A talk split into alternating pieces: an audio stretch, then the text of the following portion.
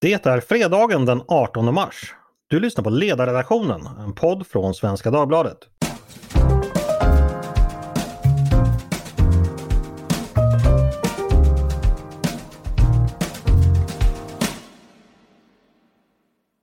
Varmt välkomna ska ni vara till oss på Ledarredaktionen. Jag heter Andreas Eriksson. Ännu en arbetsvecka har gått men innan vi ska hem och blanda till kvällsgroggen vill vi på Svenska Dagbladet gärna dela våra tankar om samtiden med er. Det har alltså blivit dags för ännu en panelpodd. Och då har vi två tungt lastade åsiktsmaskiner till vår hjälp. Exempelvis Peter Wendblad, redaktionens biträdande chef och Östersjökorrespondent. Välkommen hit Peter! Tack så mycket! Hur är läget på Gotland så här i ofredens tid? Ja, det är ju en väldig kontrast mellan denna, detta fantastiska solsken och vad säger, det geopolitiska regnvädret. Mm, så är det verkligen. Och från en annan ö, om Peter vakar det yttre havsbandet så bevakar han det inre från den relativa tryggheten i Ruboda på Lidingö. Mattias Svensson, välkommen hit! Tack så mycket! Hur har din vecka varit? Eh, ja, präglad av eh, krig och opinionsbildning. Mm. Det har ju varit en vecka förstås då dominerad av det ryska anfallet mot Ukraina. Eh, det har ju vi flitigt behandlat både i podden och på sidan i veckan. Och det blir förstås också mycket om det idag. Eh, den ryska invasionen av Ukraina går in på sin fjärde vecka. Fortfarande gör Ukraina heroiskt motstånd men de civila dödsoffren blir ju fler och vi nås av allt fler obehagliga och hemska nyheter från ryska terrorbombningar och angrepp mot eh, civilbefolkningen. Eh, tänkte börja med dig Peter. Du har varit ute och eh, kulturkrigat lite i veckan eh, just med angående av eh, kriget. Ja men vi kan väl kalla det så.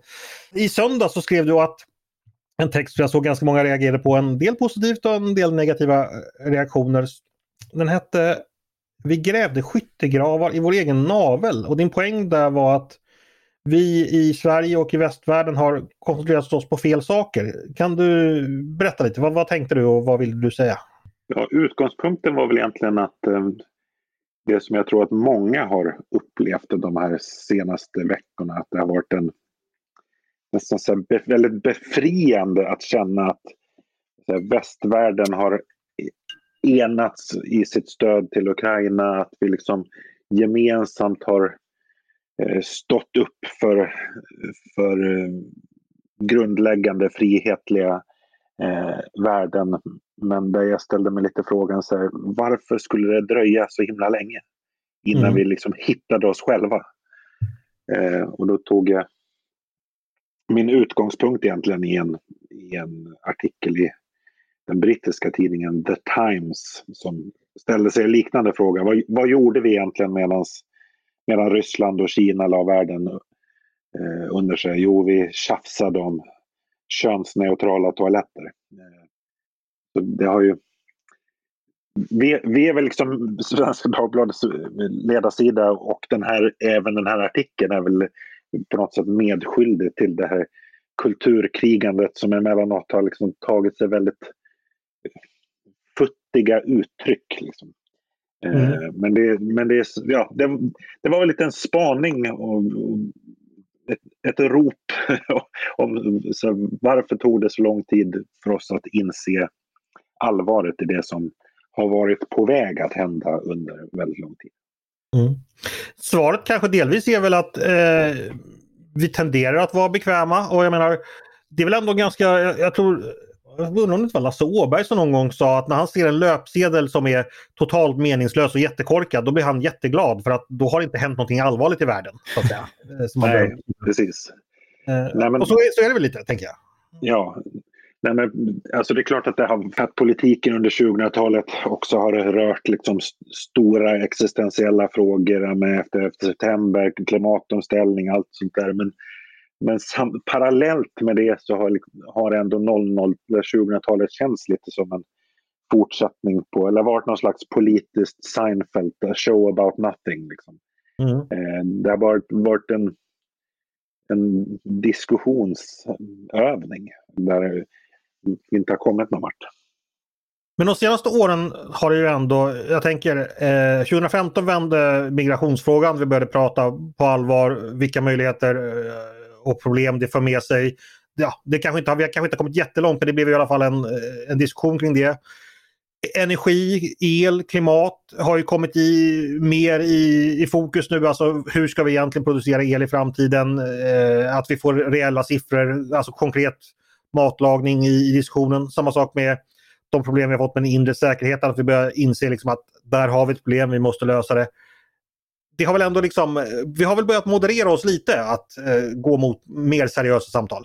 Eller, ja, absolut. Och det, och det var ju en, en del av min eh, poäng i texten. att En förhoppning och kanske också en tro på att de sen, inte minst de senaste två åren med liksom, eh, på det internationella globala planet, liksom pandemi och eh, storkrig men även i liksom den svenska kontexten med energikrig. Alltså vi har ju haft vi har ju sett kriser, liksom väldigt så grundläggande eh, samhällsfunktioner. Att, att politiken, vi förhoppningsvis av det här kan lära oss vad som skillnaden mellan viktigt och oviktigt i politiken. Vad som är, vad som är tjafs och vad som är på allvar.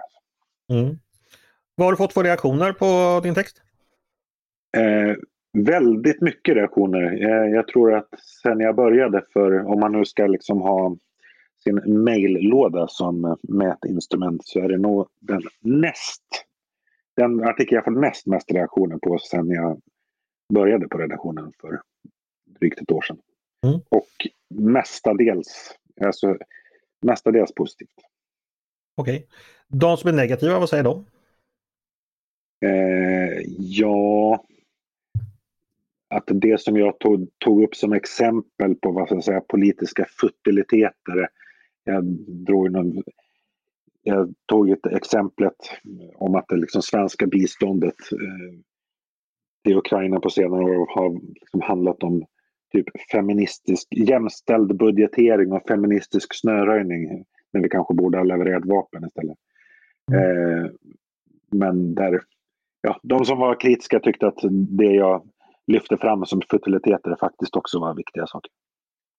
Har du inte fått en del, eller jag såg någon som skrev att eh, de, de, som har snackat mest om feministisk snöröjning och, och könsneutrala toaletter, det är ju Svenska Dagbladets ledarsida så att vi själva jo, jo, men nej, men jag, jag var inne på det, på det för en stund sedan att så, vi har väl eh, bidragit till att eh, ibland lägga den politiska diskussionen på en lite futtig nivå. Så nu går du till offensiv i kulturkriget för att få slut på kulturkriget? Ja, ja det är väldigt motsägelsefullt.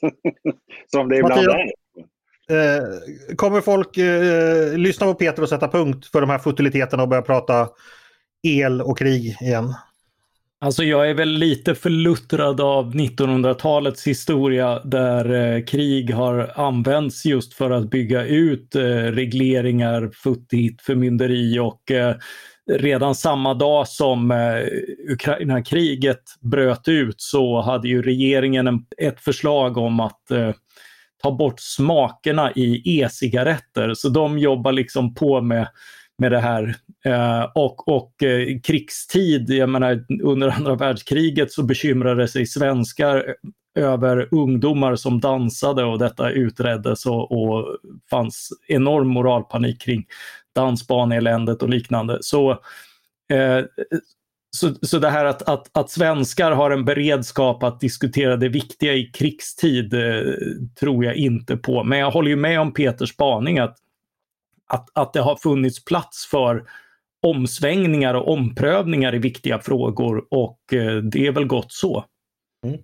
Peter, en fråga. Eller först ska jag ta upp mm. ett exempel som du har som är väldigt roligt. Du nämner då att Kina och Ryssland de har varit busy. Eh, de har byggt eh, väg som är 873 mil lång från Gula havet till Sankt Petersburg. I Sverige så försöker vi bygga om E22 vid Söderköping men det har stått stilla i ett kvarts sekel eftersom någon biolog man har skickat ut i terrängen hittade en, säger en, hasselsnok eh, mm. från vägens planerade dragning. Eh, det här är förstås kul exempel och så. Ändå det här med att eh, diktaturer är bra på att få tågen att gå i tid medan vi dumma demokrater bryr oss om natur och sådär. Det finns väl en viss, eh, ja, någonting man kan säga om det, tänkte jag. Ja, Nej, men du förstår jag, vad jag menar. Ja, men, jag kan ju då säga det som du egentligen försöker säga och som någon nämnde på, på eh, Twitter att det här var ett, ett liksom, det ryska narrativet om den liksom dekadenta västvärlden och den handlingskraftiga eh, andra Exakt. världen. För du fram det, det Putins eh, narrativ nu? Eh, alltså, det förhindrar ju inte att liksom, i det här avseendet kanske delvis han, han har rätt även om vad säga, hans, hans narrativ har ett annat syfte. Men jag, så här, jag ser det inte som... Det finns en tröghet inbyggd, eller stora trögheter inbyggda i demokratin som styrelseskick. Så är det. Mm. Men, men jag är ju av uppfattningen att vi har liksom överlastat demokratin med eh, liksom,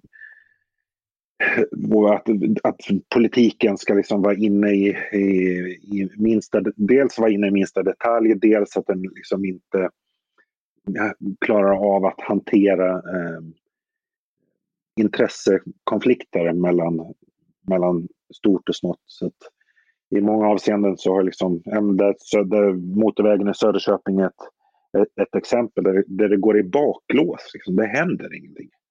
Mm. Ja men sen också, eh, jag ska säga så här att diktaturens effektivitet genom historien är ju kraftigt, kraftigt överdriven. Eh, det kan man ju se ett exempel på när den ryska krigsföringen nu i, i Ukraina där diktaturen har byggt upp en armé där eh, mycket av resurserna och pengarna har försvunnit åt andra håll. Eh, så det kan man ju säga att eh, det finns ju faktiskt, eh, det fanns ju länge under 1900-talet en idé om liksom att den kommunistiska diktaturen skulle vara så effektiv och bra men ja, exempelvis lyssna på Kennedys eh, tal i Berlin 1962 så handlar det mycket om att visserligen är kommunismen kanske, kanske effektiv och sådär men vi har ju vår frihet. Men det visade sig vara precis tvärtom att det var ju demokratin som stod för det effektiva och det mest resursutnyttjande. Det var ju inte kommunismen så att säga. Ja, Mattias, du tänkte säga något där? Ja, men det är ju även temat i eh, Rocky 4 tänkte jag på. Alltså ja. där, där har vi liksom the American spirit eh, mot, mot liksom en, en högteknologisk och högeffektiv eh, sovjetisk apparat. Mm. Men hade det varit som det verkligen var i Sovjet så hade Ivan Drago inte tränats av några vetenskapsmän utan medlen till hans träning hade ju försnillats till att bygga någon datja i partiet eller något sånt där. Det var ju så Sovjetsystemet verkligen fungerade. Men det, det som är, är kanske liksom specifikt för den svenska demokratins svaghet som ur, ur mitt perspektiv i alla fall, det är ju att demokratin är ju ett sätt att vad ska jag säga, hantera intressekonflikter. Eh, men i Sverige så har det blivit, vad säger, att, eh, finns det en föreställning om att demokratin är ett sätt att, att åstadkomma konsensus, alltså att komma överens om allting. Alltså att intressekonflikter går med att så här, samtala sig eh, förbi. Mm. Um, och det, det tror jag det är omöjligt. Liksom. Dem, även demokratin måste lösa ut konflikter genom att här, bestämma vem som får st stå tillbaka och vad som får gå före. Jo precis, för man tänker sig att alla dessa samrådsprocesser ska leda till att alla kommer bli nöjda för att alla kommer få sina eh, önskemål tillgodogjorda. Så är det naturligtvis inte utan i många beslut så gör man en avvägning och då kommer ju den part som har de svagare argumenten eller det, som representerar det, det, det, relativt mindre värdet så att säga kommer ju få stå tillbaka. Så är det ju. Ja, ja. ja naturligtvis. Eh, men intressant Peter att du avslutade kulturkriget på ett så elegant sätt så att vi kan tala, tala försvar. Men, men, men synd om hasselsnoken ändå. Ja, men... men, men nu, det, nu, nu, kommer det ju byggas en, en särskild bro för den här eh, hasselsnoken så att den kan kan röra sig fritt över motorvägens nya dragning. Mm. Men Peter, du har ju tagit upp det här, den här trögheten. Vi, vi, vi ska bli lite allvarliga. Exempelvis den svenska energiomställningen nu eh, där vattenkraft och vindkraft och alla tillståndsprocesser där. Där behöver det väl någonting tänkas om i grunden, är det inte så? Eller det är väl din slutsats i alla fall? Ja, alltså om vi, vill, om vi tar liksom klimatomställningen, den svenska klimatomställningen specifikt. Alltså om den ska genomföras i den takt som vi liksom politiskt har slagit fast att den eh, ska genomföras. Ja, då finns det ingen tid för att liksom samråda sig eh, till någon konsensus. Utan eh, alltså att effektivisera de processerna, ja det handlar ju mycket om att, att alltså redan i, i ett tidigt skede bestämma vilket intresse som är, eh, är viktigast. Eh, mm. Och det, kommer, men, och, och det tror inte jag att, alltså, sen när man när partierna pratar om att effektivisera tillståndsprocesser och snabba upp. Alltså jag tror inte att de har följt den tanken hela vägen ut. Att det är där, så, det är liksom där vi så småningom hamnar. I att politiken måste bestämma vilket intresse som ska gå före. Och att det kan leda till väldigt svåra eh, och smärtsamma konflikter. Mm. Så är det ju. Det är ju ett annat område där politikerna pratar om att man ska snabba upp processer. Det har ju att göra med, med bostadsbyggande i, i storstäderna. Och där slutar det med, vill man snabba upp de processerna då är det ett antal grannar som kommer bli ledsna, intressegrupper som kommer att köras över. Och så I slutändan så kommer det innebära den typen av konflikter. Och det måste ju då politiken vara beredd att ta ifall man säger att man menar allvar med att bygga ett visst antal bostäder i våra storstäder exempelvis. Eller att ja. ge tillstånd för vad det nu kan vara, allting från prospektering till, till nya energislag. och så. Mm. Eh, och jag, jag tror det, du har väl nog rätt Peter att det kanske inte är man har tänkt hela vägen ut. Och den här långsamheten, vi hade ju en podd igår som handlade om eh, försvarspolitiken. att Det har tagit många, många år att få loss, loss mer pengar till Försvarsmakten. Nu är det ju på väg, men det är ju då, det har gått sju år, det är nästan ett decennium jag tror faktiskt det är sju år idag sedan den ryska annekteringen av Krim. Och eh, nu liksom börjar vi lossna och komma upp på de nivåer som många initierade har sagt att vi skulle ha befunnit oss för, för länge sedan. Eh, Mattias, är det, är det ofrånkomlig del av den svenska demokratiska och byråkratiska modellen att saker och ting tar tid? Eller vad, vad tänker du? Ja, det är det ju. Eh, I, I varje demokrati som, eh, som Peter är inne på. Och det är också det som hindrar mycket dumt från att dra iväg. Eh, ja, just det. Alltså, det klassiska konservativa argumentet att springa inte iväg. Jo, jo men, men det, det, ligger ju någonting i det. Alltså ett fritt samhälle har ju en pluralitet av liksom beslutsfattare, eh, decentraliserade processer, eh, granskande medier, eh, opposition och regering och, och liknande. Och det, det, det, är ju för att hindra stora misstag. Eh, och, och så fort man forcerar en utveckling, det har ju Peter också skildrat, det är ju ofta den här, du sätter ett mål eh, och försöker forcera det, det blir ganska snabbt absurt och finns inte motkrafterna då, då står det där. Alltså Kina forcerade sin vindkraftsutbyggnad till exempel på ett sätt som kanske eh, Sverige skulle vilja titta på om det inte var för det att en tredjedel nästan av de här vindkraftverken gick inte att koppla upp till elnätet. Det följde plan men liksom blev inte vad man hade tänkt sig. Mm. Just det. Eh, Peter, några avslutande tankar kring din text som du vill att vi ska ta med oss? Eh, nej, men jag tycker Mattias sista poäng här var viktig. Eller, som han sa så skrev, har jag även skrivit om det under veckan apropå Klimatpolitiska rådets rapport liksom Klimatpolitiska rådet konstaterar att den svenska klimatpolitiken har bara styrfart och måste accelerera. Och där min poäng då var att det är kanske styrfart den ska ha. Alltså att den här accelerationen som det handlar, handlar om Ja, den måste accelerera för att vi ska hålla den verklighetsfrämmande tidplan för klimatomställningen som vi har slagit fast. Men i takt med att tiden går så kommer ju Alltså, att hålla den tidplanen kommer ju kräva en allt högre grad av vansinneskörning. Så att det, det är kanske tidplanen som är problemet och inte hastigheten. Mm. Apropå hastighet och tidsplan, du fick ju med en av eh, den europeiska politikens bästa eh, copies någonsin i din artikel också, nämligen CDUs från 1957. Berätta! Keine-experimente eh, precis. Att jag tycker att politiken borde bli tråkigare. Konrad Adenauer gick ju, gick ju till val på Kaine-experimentet 1957 och CDU fick egen majoritet. Det är en fantastisk valaffisch då också. Eh, Adenauer var ju då der Alte. Han var väl eh, långt över 80 år. Så man, det är bara en bild på hans fårade ansikte och så bara de här orden då som på svenska betyder inga experiment.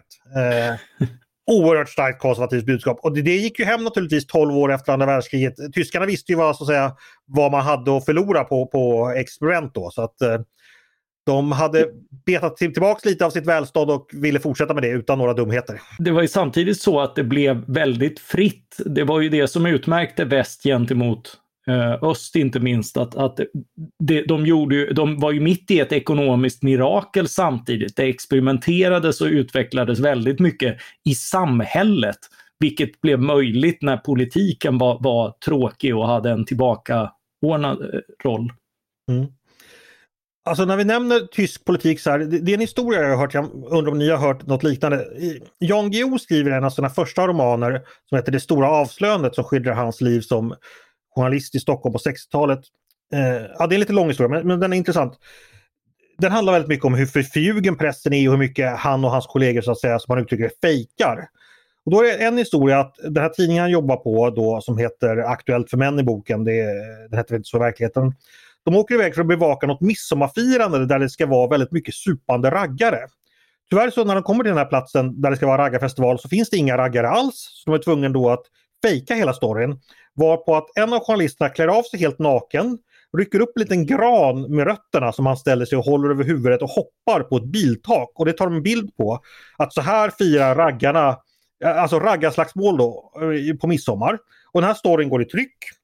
Och eh, ja, några från orten hör väl av sig och tycker det är konstigt men alltså den, den går, går sen ut via TT ut på det internationella nyhetsnätet och hamnar i Tyskland och blir då avgörande, påstår Jan Guillou i boken, i det tyska valet det året. Det var ett argument för CDU.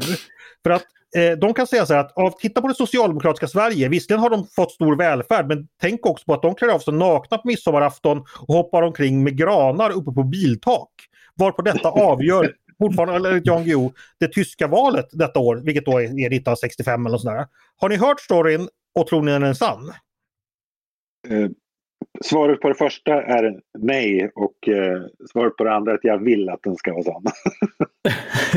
Ja, Peter slet svaret ur munnen på mig. Ja, och det är då eh, Jan Guillous kompis Arne Malmberg i boken, jag tror han hette Arne Lemberg i verkligheten, som ska ha gjort detta. Eh, och jag har varit på Kungliga biblioteket och letat bland gamla tidningar där. Jag har inte hittat den men det ska sägas att just de årgångarna från 60-talet där Jan Guillou skrev de är delvis så förstörda så man får inte låna dem. Och jag antar det, det är väldigt många som är intresserade av att läsa Jan Guillous gamla artiklar. Eh, men boken i alla fall, eh, Det stora avslöjandet från 1972 är väldigt rolig läsning. Jag vet inte hur mycket som är sant men då påstås det i alla fall att tyska valet avgjordes av ett fejkat svenskt raggarslagsmål. Eh. Jan Guillou bor ju ganska nära Kungliga biblioteket så det är kanske han själv som är väldigt intresserad av att läsa gamla Jan Guillou. Så kan det vara. Det var lång men, men var, var, var, det inte en väldig fientlighet efter 1958 mellan Tyskland och Sverige? Så det, det fanns ju liksom en... Eh, nu det vet jag det. inte när exakt vi, vi rör oss, men efter i, i semifinalen mm. 58 när Sverige hade hejaklack. Ja. Det tyckte ju tyskarna var oerhört osportsligt. Ja. De tyckte faktiskt att det var ganska obehagligt också för att ja. idén att någon ska stå framför en grupp med en flagga och ha då talkörer framstod för tyskarna som någonting Ja, de, deras mörka förflutna. De hade lite erfarenhet av det. Ja. Dessutom, min svärfar var faktiskt i Tyskland på semester eh, som barn då med sin familj 1958. Och han berättade att de såg den här matchen på en krog och tyskarna var oerhört uppretade och satt och vrålade Schauspieler, Schauspieler varje gång en svensk föll då för de ansåg att eh, svenskarna bara filmade. Eh, Sverige vann ju som bekant den matchen med 3-1 efter att Kurre Hamrin har gjort det här, gjorde det här legendariska målet där han dribblade från hörnflaggan längs med sidlinjen och gjorde 3-1 för Sverige som sen förlorade finalen mot eh, Brasilien med 5-2 då en ung Pelé, 17 år gammal, gjorde två av målen. Men oj, nu börjar det nästan likna Kalle Lind och eh, Nej, nej, det här, det här är ju allmänbildning, det vet ju till och med jag. Vi går vidare till dig Mattias. Eh, du har faktiskt, vi fortsätter lite på samma tema, du har skrivit om, eh, också tagit på dig de stora glasögonen och tittat bakåt eh, och hyllat 90-talet faktiskt eh, i veckan. Berätta, med anledning just av Ukraina-kriget. Berätta. Eh, jo, men det, det, blev ju en anledning att, att reflektera nu när företagen eh, drar sig tillbaka från, eh, från Ryssland. Jag höll på att säga Sovjet därför att det var, det var ju i det gamla Sovjetunionen de, eh, de en gång drog in eh, under perestrojkans sista år och eh, när murar föll och länder blev självständiga. Eh, och, och det har ju i, eh, i en viss historieskrivning kritiserats som en väldigt naiv tid när, när man trodde att det gick att bygga demokrati, och fred, och, fred genom demokrati och frihandel. Eh, men eh, det här är ju alldeles sant. Eh, och, och det har ju gjorts på många håll. 90-talet eh, ser en extremt tydlig utveckling i, i minskade konflikter som tidigare hade ökat under fyra decennier. Eh, och det sammanfaller, korrelationen är nu inte kausalitet, men det sammanfaller med, med då en avgörande demokratisering i stora delar av världen, inte bara i, i Östeuropa som, som blir fritt från Sovjetunionen utan också Sydafrikas apartheidregim faller, Pinochet-diktaturen i Chile och liknande. Eh, så det är ju en, en väldigt tydlig glo global trend och eh, eh man, man bygger upp eh, eh, också, man integrerar de här länderna, liksom Kina, eh, som, som liberaliserar sin ekonomi i en, en växande världsekonomi som skapar Eh, band med andra. Eh, och, och, vi har ju till exempel då fått eh, tre grannar på andra sidan Östersjön som, som liksom har haft ett, eh, en, en enormt fin utveckling som jag tror få hade kunnat ana att tidigare Sovjetrepubliker skulle kunna transformeras så, så snabbt och entydigt som de ändå gjort in i den europeiska familjen. Eh, och Eh, Eh, och, och det, där, det där är ju en viktig del, inte bara av, av ekonomisk utveckling och utveckling som är bra för, för människorna i sig, utan det, det, visar ju också på en erfarenhet som vi också har i Norden, att, att liksom rika, fria demokratier är de bästa grannar man kan ha. Mm. Uh, och och det, är, det är liksom enormt tryggt. Sverige har ju inte alltid varit en god granne. Vi, vi har ju varit dödsfiender med, med Danmark och vi har liksom uh, varit, varit liksom herrar över uh, andra områden och liknande, varit en tidigare stormakt och det, det, är ju liksom, vi, vi lever ju mycket bättre nu när vi inte är det. Vi är ju det som Ryssland borde bli. Eh, mm. och som de förmodligen är rädda för att bli. Eh, alltså en, en fredlig nation med mindre ambitioner men, men eh, med bättre, bättre ställt för alla som lever i landet. Och bättre ställt för alla grannar som förvisso fortfarande kan reta sig på oss men dessutom resa och handla med oss. Jag, jag kan ju bara nämna Tyskland. Sen de övergav sin expansiva nationalism så har ju det tyska, både Tyskland och det tyska folket blomstrat. Ja, och nu hela, eller i alla fall större del. Jag tänker så här, eh, det finns ju en gammal eh, sägning från 90-talet, jag tror du tar upp den i din text också, som handlar om McDonalds. Eh, då sa man ju så här att två länder med McDonalds aldrig hade krigat. Tanken bakom det var ju att när väl McDonalds finns, då finns det tillräckligt stor eh, välmående medelklass. De kommer i sin tur då ha krävt vissa rättigheter, då, vilket innebär att eh, ja, man också har demokrati och demokratier krigar inte mot varandra. Att det fanns något samband. Det här visade sig brytas redan 1999 tror jag. Med, eh, för det fanns ju faktiskt, när det började krig mot eh, forna Jugoslavien så fanns det ju McDonalds i Belgrad. Men, men tanken kanske inte var så dum ändå, även fast den har jävats nu. Eller hur, vad tänker du om det? Eh, jo men precis, alltså det här var ju typ, det var ju han eh, kolumnisten i New York Times är det väl, Thomas Friedman som, som verkligen älskar att formulera den här typen av liksom eh, känna var tidsandan blåser och hitta någon, någon tagline att formulera om det. Eh, och, och det är kanske inte konstigt att han formulerar den, den mest liksom, överoptimistiska tesen av, av liksom det här att, att demokratier Eh, särskilt välbärgade sådana eh, med eh, marknadsekonomi eh, och ännu bättre om de handlar med varandra tenderar sällan att gå i krig framförallt med varandra.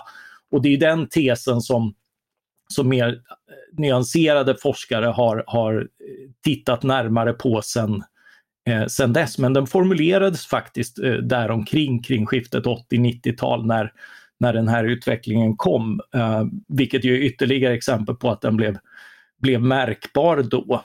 Eh, och, så det var en överoptimistisk tes och det är klart att, att det går att hoppa på den. Det, det har akademiker som sagt gjort sedan dess med bland annat liksom NATO-bombningarna och då, då har eh, Friedman sagt att ja, ja, men det var inte eh, det, det, var NATO och inte två länder, eh, vilket ju var lite ansträngt. Eh, och, eh, och sen har det kommit andra exempel, bland annat rätt obehagligt i när konflikten exploderade igen häromåret så, eh, så hade ju till och med McDonalds i det ena landet eh, spridit nationalistisk propaganda kring det här kriget, vilket förstås McDonalds centralt ingrep mot. Men då var det någon akademiker som skrev en lång text om, om att den här tesen har falsifierats igen. Så det är klart att den tesen höll inte riktigt, men det är ju så, det är lite grann att dra, eh, att, att gå därifrån till liksom slutsatsen att ja, därför är det dåligt med, med liksom handelsutbyte och eh, sådär som jag har sett en del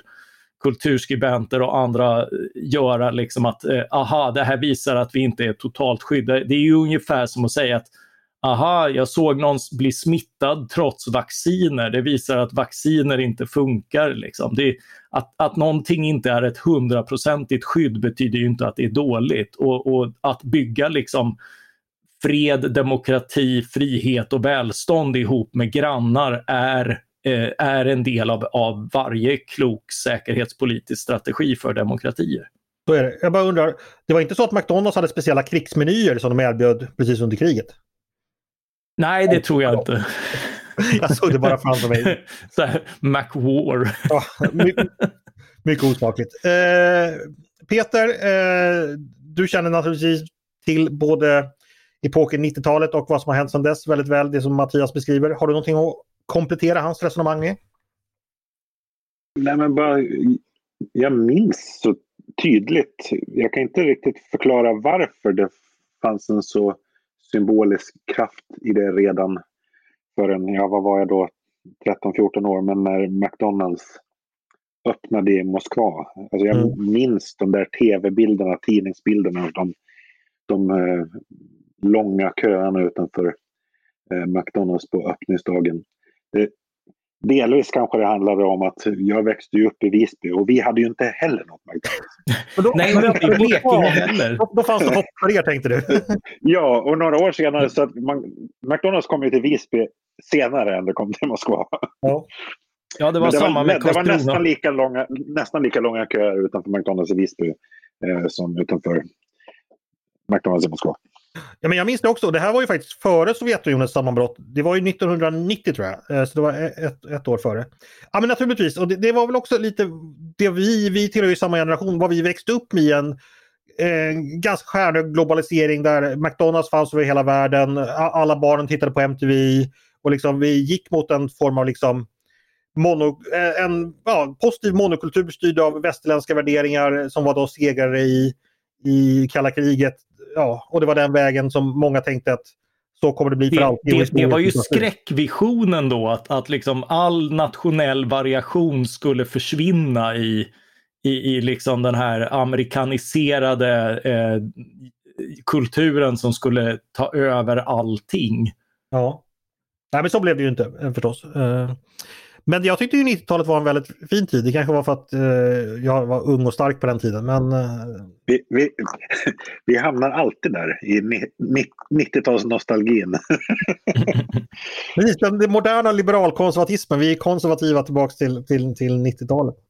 Nej men det är intressant. Eh, vi, jag rekommenderar förstås alla att läsa både Peter och Mattias eh, texter och jag, jag, skrev ju även i Smedjan kan sägas om just det här med McDonalds tillbakadragande och eh, det, det, var rätt kul att, att gå tillbaka till just liksom den där eh, öppningen som, som Peter beskriver och, och de förväntningar man hade. Då, då var det ju liksom folk pratade om just det här liksom att eh, jag ser fram emot en fantastisk upplevelse och sådär. Och det är ju lite grann också en en tanke att ha med sig att det, då, då verkar det allt så fantastiskt för att det var nytt och sen vänjer man sig.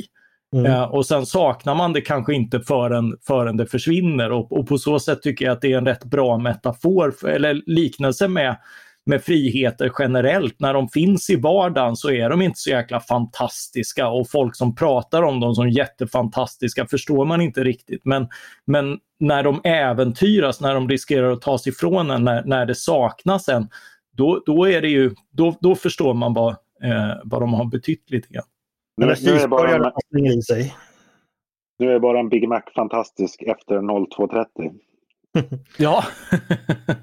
Men jag tänker den där cheeseburgaren man kanske slänger i sig på stan mellan två möten eller ute på ärenden och så här, den är, den är inte så dum. Kanske. Eh, just det, jag tänkte, det fanns en, en annan gammal myt från 90-talet, det är att McDonalds bara har övergett en enda marknad. Och Det skulle varit övre Norrland i Sverige där de blev nedkämpade av, eh, av Max. Max och eh, av då veganer i, Umeå, och Luleå och Skellefteå. Eh, jag vet inte om det var sant, men eh, de hade svårt att etablera sig där uppe. Jo, jo men de, de fick dra sig tillbaka. De var, de var ganska klumpiga där och, och franchisen var, eh, var liksom inte bra. Så, så de lämnade Umeå ett tag eh, och eh, nu tror jag att de är tillbaka. Men men, men det var, eh, jag, jag, tror att det stämmer. Ja. Sen var det ju att i Skellefteå hade de ju även var det en, ytterligare en kedja som hade försteg och det var ju den lokala kedjan Frasses. Frasses. Just det, som numera finns i stora delar av, av Sverige.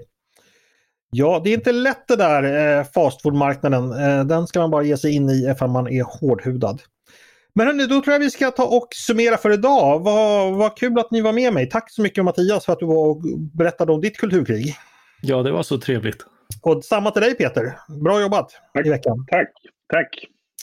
Och tack till er som har lyssnat eh, på tre medelålders män som minns sitt 90-tal. eh, ja, om ni vill eh, om ni vill att vi ska prata om något annat någon gång så får ni förstås höra av er till oss. 80-talet kanske nästa 80 gång. kanske. ja. Då kommer vi prata Commodore 64 och eh, luktisar, luktsuddgum och sådär. Pudelrock skriver jag faktiskt om i helgen.